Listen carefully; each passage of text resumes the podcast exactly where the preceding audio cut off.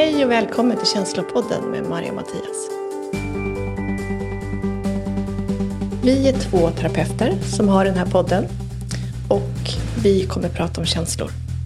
Vi kommer ge dig konkreta verktyg för att hantera dina känslor. Där du får en möjlighet att faktiskt börja bygga en nära relation till dig själv. Där dina känslor får vara en tillgång i ditt liv och vägleda dig vidare.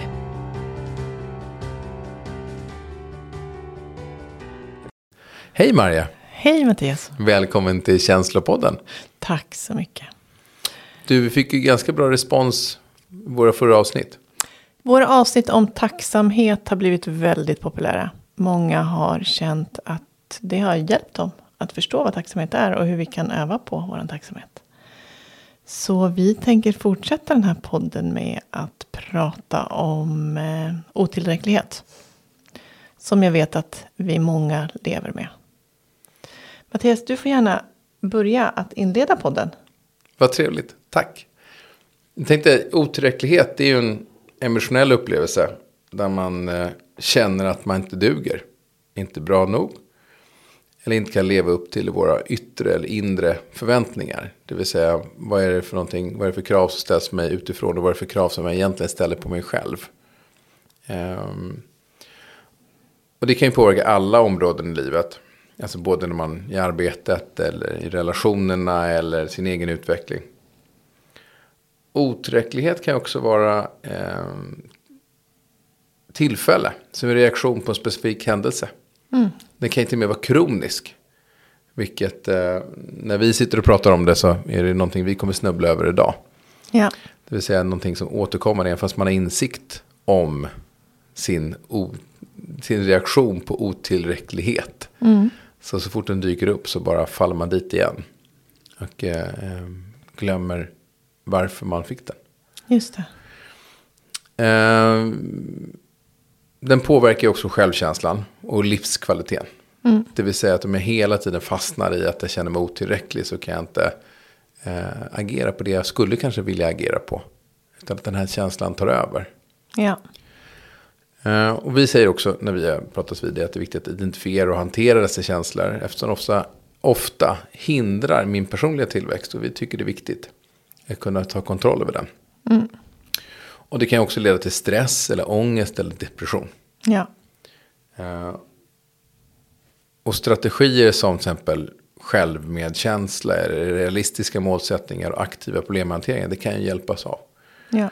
Så att jag tänkte att idag så ska vi grotta lite i otillräcklighet och framförallt kanske våra egna reflektioner över vad, när vi inte känner oss tillräckliga. Mm. Eh, och jag tror vi båda två skrattade lite och sa att vi har båda två kroniska otillräcklighetskänslor.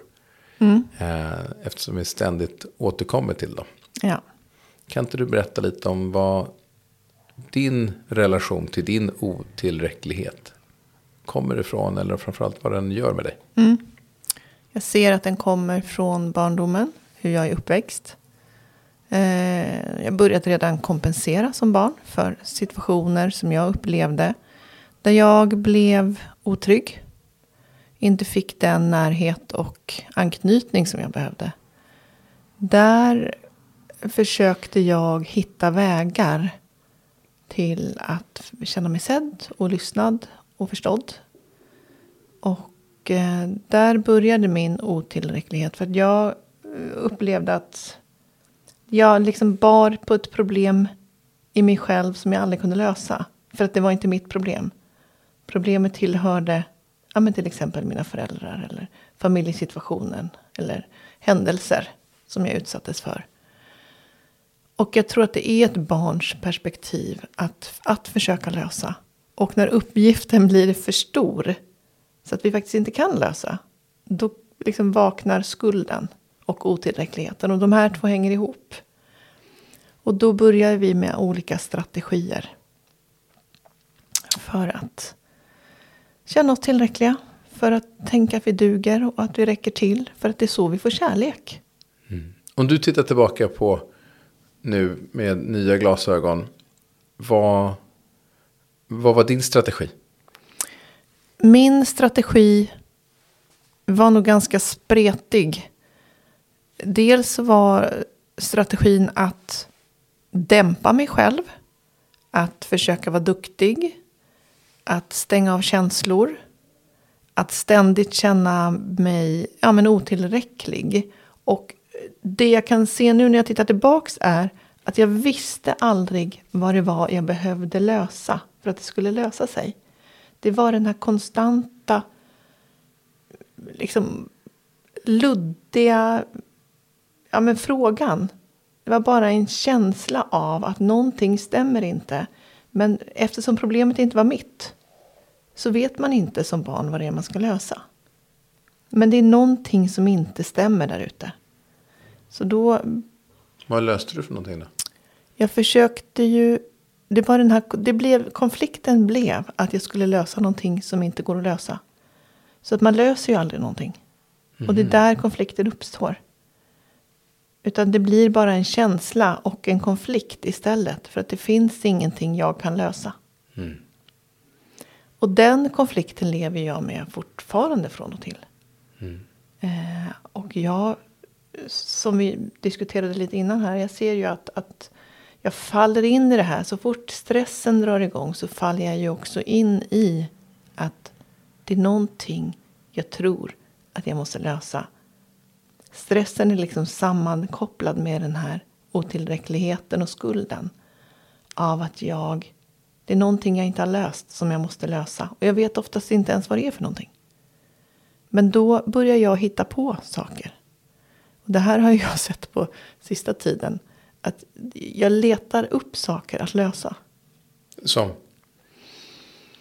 Som att finns det kanske någonting, något mejl gällande mina barn och skolan som borde lösas? Är det något jag glömt? Tänker jag. Eh, vänta, är det någonting jag glömt?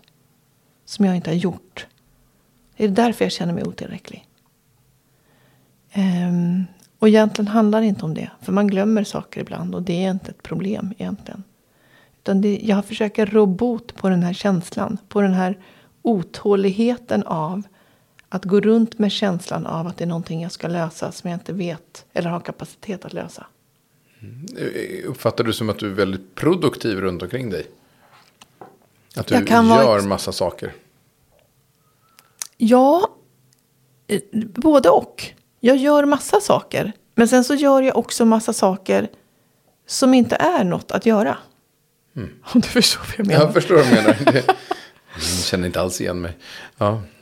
Ja, jag löser massa saker bara på grund av otillräckligheten som egentligen inte har en betydelse. Mm. Som jag ser bara är en distraktion. V vad har det kommit ut för någonting bra utav det då? För att vi kan ju säga att det inte är bra att gå omkring och känna att man är otillräcklig. Men vad har det blivit för... Vart har du kommit där? Har du... Mest för att det leder in på det jag tänker på. Men... men mm. äh, jag kan inte säga att det har kommit någonting bra utifrån det faktiskt. För det handlar egentligen om att jag konstant förtrycker mig själv. Mm. Eh, jag tycker inte att det finns något positivt allt. Och jag, det jag ser är också att det tar mig egentligen bort från effektivitet. Mm. Ja, jag fattar. Jag tänkte jag bara spana lite. Mm. Eh, eh, jag känner ju också otillräcklighet. Mm. Kommer från ett litet annat håll. Jag hade liksom inte den där oron att jag inte kan lösa situationen lite som jag tolkar dig. Att du, liksom, det hände saker och ting i din familj som gjorde att du kände att du inte kan lösa det här. Mm. Du visste inte hur du skulle lösa så du började lösa andra saker. Ja. Eh, och sen så började du agera. Och kände frustration och sen så liksom eh, bara gjorde saker och ting mer. Mm. Jag, jag har ju också otillräcklighet och jag tror att jag, jag tror att jag var ganska ensam om att känna det när jag var liten. Det visade sig att det inte var så. Men jag trodde att det var bara jag som kände att jag inte var tillräckligt bra. Mm. Så jag tänkte att alla andra är ju så väldigt bra. Alla andra är ju så, har ju så roliga familjer. De händer så mycket roliga saker. Eh, de är roliga. De har eh, roliga ramser, kan roliga sporter. Ja, men du vet, alla andra är så bra och jag är inte så bra. Så jag fick ett väldigt här, yttre fokus ganska tidigt tror jag att jag inte räckte till. Kan ha varit att mina föräldrar skildes så att jag kände att det var, jag hade någonting med det att göra. Men jag tror eh, nog som vi har pratat om tidigare att det hade säkert att göra med att jag fick eh, tvillingar ganska tidigt som syskon. Och då plötsligt så fanns det inte så mycket tid över till mig. Nej. Eh, så att därför kände jag mig inte tillräckligt bra. Jag skulle också bli tvilling, då hade det gått bra. Fast då hade det väl sett helt annorlunda ut. Eh, nog med det. Jag, jag, älskar mina syskon så att jag är glad att de finns. Men jag tror att det fanns någonting där, att jag inte var tillräckligt. Och då har jag börjat jaga tillräcklighet. Och då, jag tror att jag eh, alltid har jagat någon typ av... Eh, och det här fortsatte upp i åren också. När man blev mobbad eller ansåg att man inte blev, eh, fick vara med eller någonting. Ja, det är ju en viss typ av mobbing. Så, så började jag försöka ta kontroll över den situationen. Så då började jag bli liksom produktiv och eh, socialt effektiv. Så att det är liksom blivit, det är väl goda av det här är att det har blivit att jag tycker det är kul att skapa nya saker. Jag tycker det är kul att skapa nya saker tillsammans med andra eller för andra. Så det har liksom blivit, liksom min otillräcklighet blir, har ju blivit någon typ av massproduktion av sociala tillställningar. Sociala händelser. Och det är väl det goda. Det vill säga det är en egenskap som har kommit fram. Men, men det är, den är fortfarande bottnad i en otillräcklighet. Eh, och jag tränar ju extremt mycket på att känna mig tillräcklig. Och ja, det har vi pratat om tidigare också. Men där känner jag ju att det är... Men att jag aldrig kan prestera. Min prestation har ju kanske nu senaste året börjat bli så att jag känner att jag är nöjd med min prestation. Eh, och, och tycker att det är bra att jag är nöjd med min prestation. Eh, och liksom inte värdera mig själv. Det här kunde jag gjort bättre eller tänkt på det här sättet. Utan att, och det har ju kopplats ihop med att jag har jobbat med min självkänsla. Att jag liksom får en annan syn på vad jag gör. Att det liksom, den är mer grundad, mina, mitt agerande på ett nytt sätt. Men tillbaka till det kroniska då. Jag, jag känner ju igen direkt. Det kommer liksom som ett brev på posten från ingenstans. Som ett sånt här Harry Potter-brev. Så kommer det inflygande med en uggla som bara säger tjoff, du är inte tillräcklig. Eh, du räcker inte till. Är det några specifika situationer? Eller kan det bara komma lite då och då? Den, den återkommande, liksom, som kommer att åka med den här ugglan då i Harry Potter, är eh, att någon annan är bättre än vad jag är. Den där, eh, den där eh, Karl Johan, han är trevlig. Ja, han är verkligen, alltså han tar verkligen hand om sina barn. Han gör det här. Och plötsligt så, så, så ställs jag, så upplever jag plötsligt att jag står i någon jämförelsekamp. Att ah, tydligen så är inte jag så bra. Den andra personen är mycket bättre. Det räcker med att vi är uppväxta med att pappa talar om hur bra alla andra barn är. Inte därför att han eh, vill sätta oss i någon typ av tävlingssituation. Vilket man kunde tänka sig, det hade varit en bra strategi. Utan att han glömmer bort att han inte har talat om för sina barn som han pratar med att han tycker de är fantastiska. Så han börjar prata om alla andra runt omkring. Ja. Istället för att säga du är fantastisk. Jag Just. älskar dig. Så blir det att man liksom pratar om någon annan istället. Ehm, men här stöter jag ju på patrull, märker jag hela tiden. Att jag liksom ställs i någon, att jag är otillräcklig mot andra individer. Och, och, och jag tränar ständigt på att jag, det här är ingen, det handlar inte om det. Det här handlar om att jag, att, att jag egentligen så berörs jag inte av det här. Ehm, på, på, ett, ehm, på ett intellektuellt plan så gör jag inte det. Men känslomässigt så slår den på direkt. Ja. Eh, och här liksom, så jag menar, det har kommit någonting gott för jag har blivit handlingskraftig och tycker om att göra grejer, jag tycker om att göra tillsammans saker med andra och för andra. Men den är, kommer tillbaka till en otillräcklighet. Eh, och det triggas ju så fort. Men jag har börjat lära, lära mig att stävja den också. Genom att säga så här, är det här verkligen viktigt? Måste man verkligen ha en sån här pryl? Eller ha den här utbildningen? Eller ha gjort, rest de här varven runt jorden? Eller träffat de här människorna för att man ska vara värd någonting? Nej. Nej, men det är spännande att du reagerade på det där, brukar jag säga till mig själv. Eh, Så att där i alla fall, där stöter jag på otillräcklighet. Vad hör du? Eh, Jag, jag hörde när du kom in här idag och du var i samtal med någon ung tjej. Som du är väldigt imponerad av. Då började du jämföra henne med mig. Ja, ja precis. Det tyckte jag var spännande. Tänkte du skulle ha en liten känga. Ja, Nej, men absolut. Yes. jag tyckte att det, var, det spännande var att när jämförelsen kom. så förstod jag först inte riktigt så här, vad var det som hände nu? Vem jämförs jag ens med? Mm. Ehm, och sen kände jag också av din stress av att oj, nu blev jag plötsligt sämre. Det var väldigt intressant. Att jag gav dig den? Ja. ja absolut. Så Ja. var det. Och det var inte meningen på något sätt. Nej, nej, och jag bara iakttog det. Men jag förstår vad det är som sker i dig. För att det var den, din egen känsla av det här som du egentligen levererade. Så är det. Så jag förstår, den är hård. Ja. Jag talar ju extremt elakt till mig själv i den här frågan. Mm. Jag är inte alls snäll när jag jämför det. Nej, Och, där, och det märkte jag det när jag sa det. Var därför jag, oj, nej men det här var inte meningen. Jag skulle inte ge någon, jag skulle inte ge någon känga till dig. nej. Jag ville bara tala om att jag, den personen som jag hade pratat med inspirerar mig. Ja. Och jag tycker att hon är väldigt duktig, precis som jag tycker du är. Mm, tack. Så egentligen så var det ju ett, ett, ett, ett, ett, fel kärleksmeddelande som kom på fel sätt Ja. fram. Liksom. Mm. Och Mattias, jag förstår att, att du inte vill ge mig någon känga. Jag blir bara medveten om Mm. vad du gör mot dig själv. Och hur jävla ont det gör i dig. Ja, men den är ju tuff. Den är supertuff. Ja, och det jobbigaste är att den känns lite kronisk. För att den har liksom återkommit i, liksom i 35-40 år.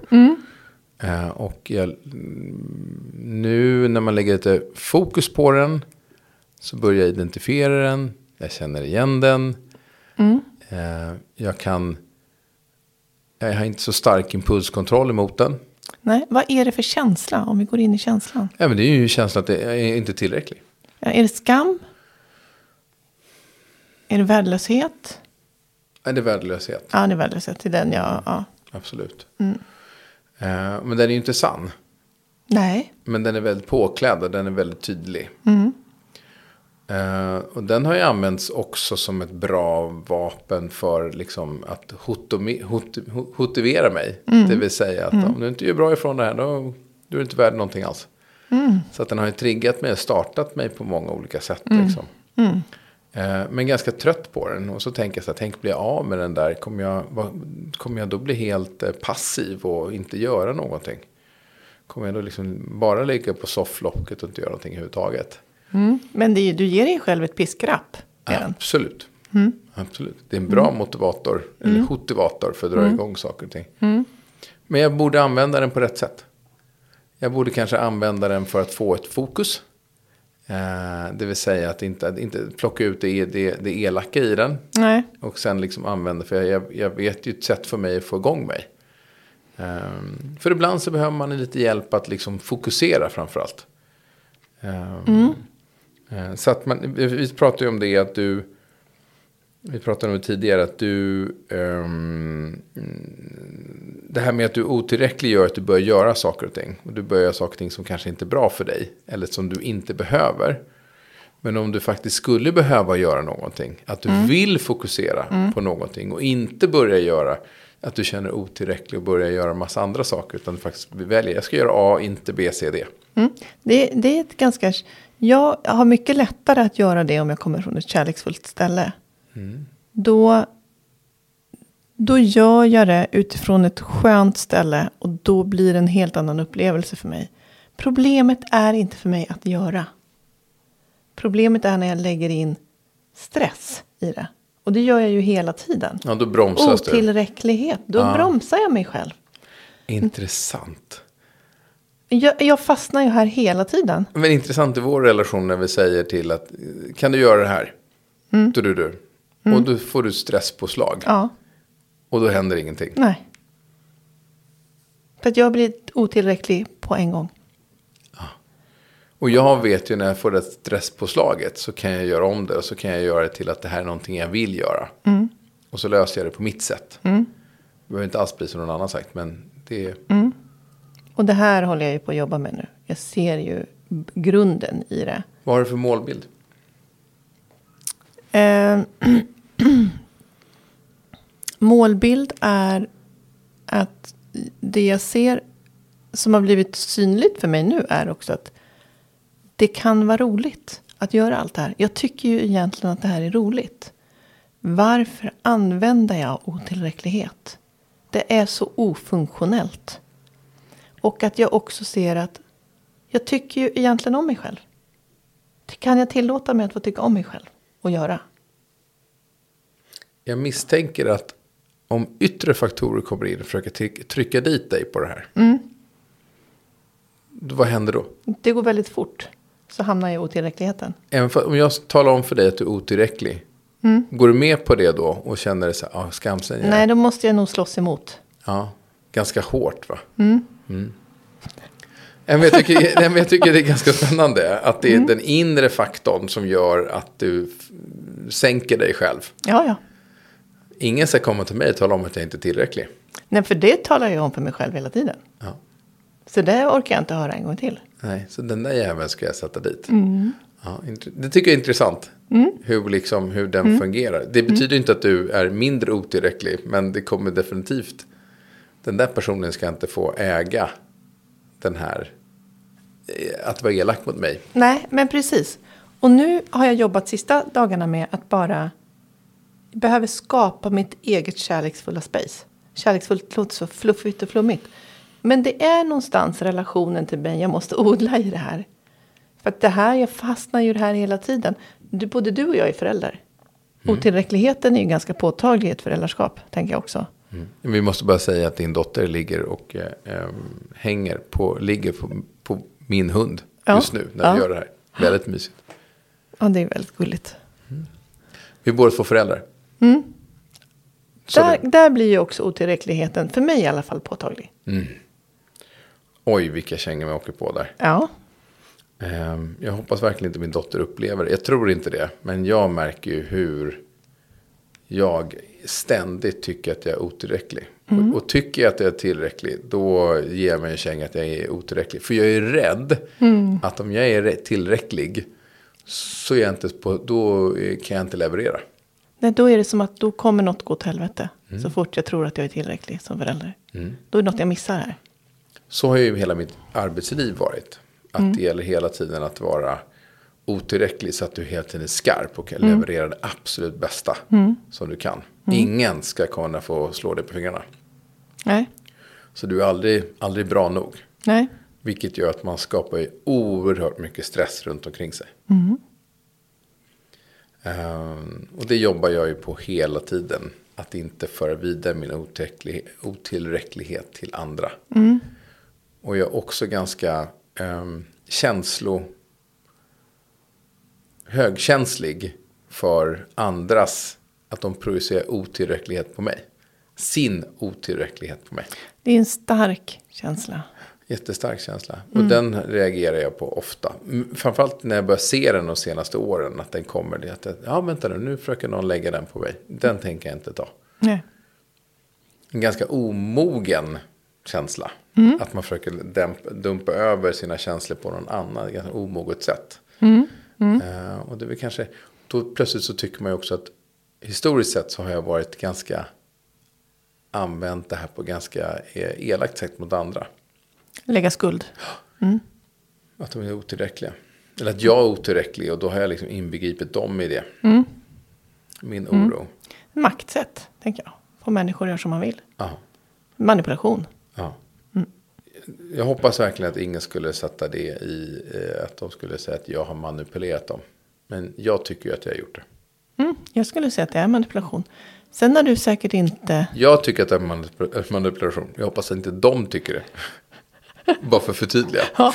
Har de gör, gjort det då får de gärna höra av sig. Det behöver jag höra. Då vill jag be om ursäkt. Ja. ja. Eh, nej men det var väl lite det vi sa om otillräcklighet. Alltså det är intressant att vi kommer från två olika håll. Två olika bakgrunder och har levt mer lika kroniskt. Eh, och vi är ganska oroliga för att föra det vidare nu. På andra. Men jag tror många lever med otillräcklighet. Jag tror att det är extremt vanligt. Jag tror att nästan varenda en person där ute vet vad det här handlar om och hur det känns. Mm. Hur skulle du hantera det? Om du skulle ge någon, inte det vi har sagt nu, utan riktiga råd. Hur ska jag Bli hantera? medveten om att det är otillräcklighet du känner. Lyssna in i det och lyssna på konversationen som pågår i dig. Och då kommer du höra väldigt tydligt. Känn verkligen hur det känns att ha den här konversationen. Vad gör det med dig? Jag blir ju ledsen och en väldigt liten person av att ha den här konversationen. Och det är som att jag också blivit medveten om att jag, det är ett konstant förtryck mot mig själv. Och titta också på vilken relation skulle du vilja ha till dig själv? Vilka saker skulle du vilja säga till dig själv? Istället för det du säger. Mm. Byt ut ord. Byt ut din konversation med dig själv. Gör dig medveten om hur det påverkar dig att ha den här typen av konversation med dig själv. Och sen titta på alla mår vi bra av att ha en kärleksfull relation och en respektfull relation till oss själva. Mm. Och bara ta reda på vad det är för dig. Så att du sa, frågade mig, vad har du för målbild? Min målbild är verkligen en respektfull och kärleksfull relation till mig själv. Och sen håller jag på att utforska det på vägen vad det innebär. Mm. Och känner direkt skillnaden på när jag säger något snällt. Mm. Eller när jag förhåller mig på ett snällt sätt till mig själv. Eller när jag liksom plockar fram piskan och slår till. Mm. Det knyter ihop ganska bra med vårt förra avsnitt om tacksamhet. Mm. Det vill säga att jag är tacksamhet för mig själv. För ja. det jag gör. Ehm, det är en bra väg att, att komma att inte känna sig otillräcklig. Ja. Och har man trasslat in sig för djupt i det här. Som du sa i början. Då kan det här ta över ens liv. Det kan mm. bli depressioner. Det kan bli ett stort hinder. Och då behöver du söka hjälp. Mm. Då behöver du gå till en terapeut och faktiskt få verktyg och få prata om det. Sätta ord på det som pågår i dig. Mm. Och se till att du liksom får hjälp att hamna på ett annat ställe. Med det avslutar vi dagens avsnitt. Hoppas att eh, det har hjälpt dig att eh, få lite insikter, lite tankar. Vi är tillbaka snart med eh, nya avsnitt. Tack för oss. Tack så mycket.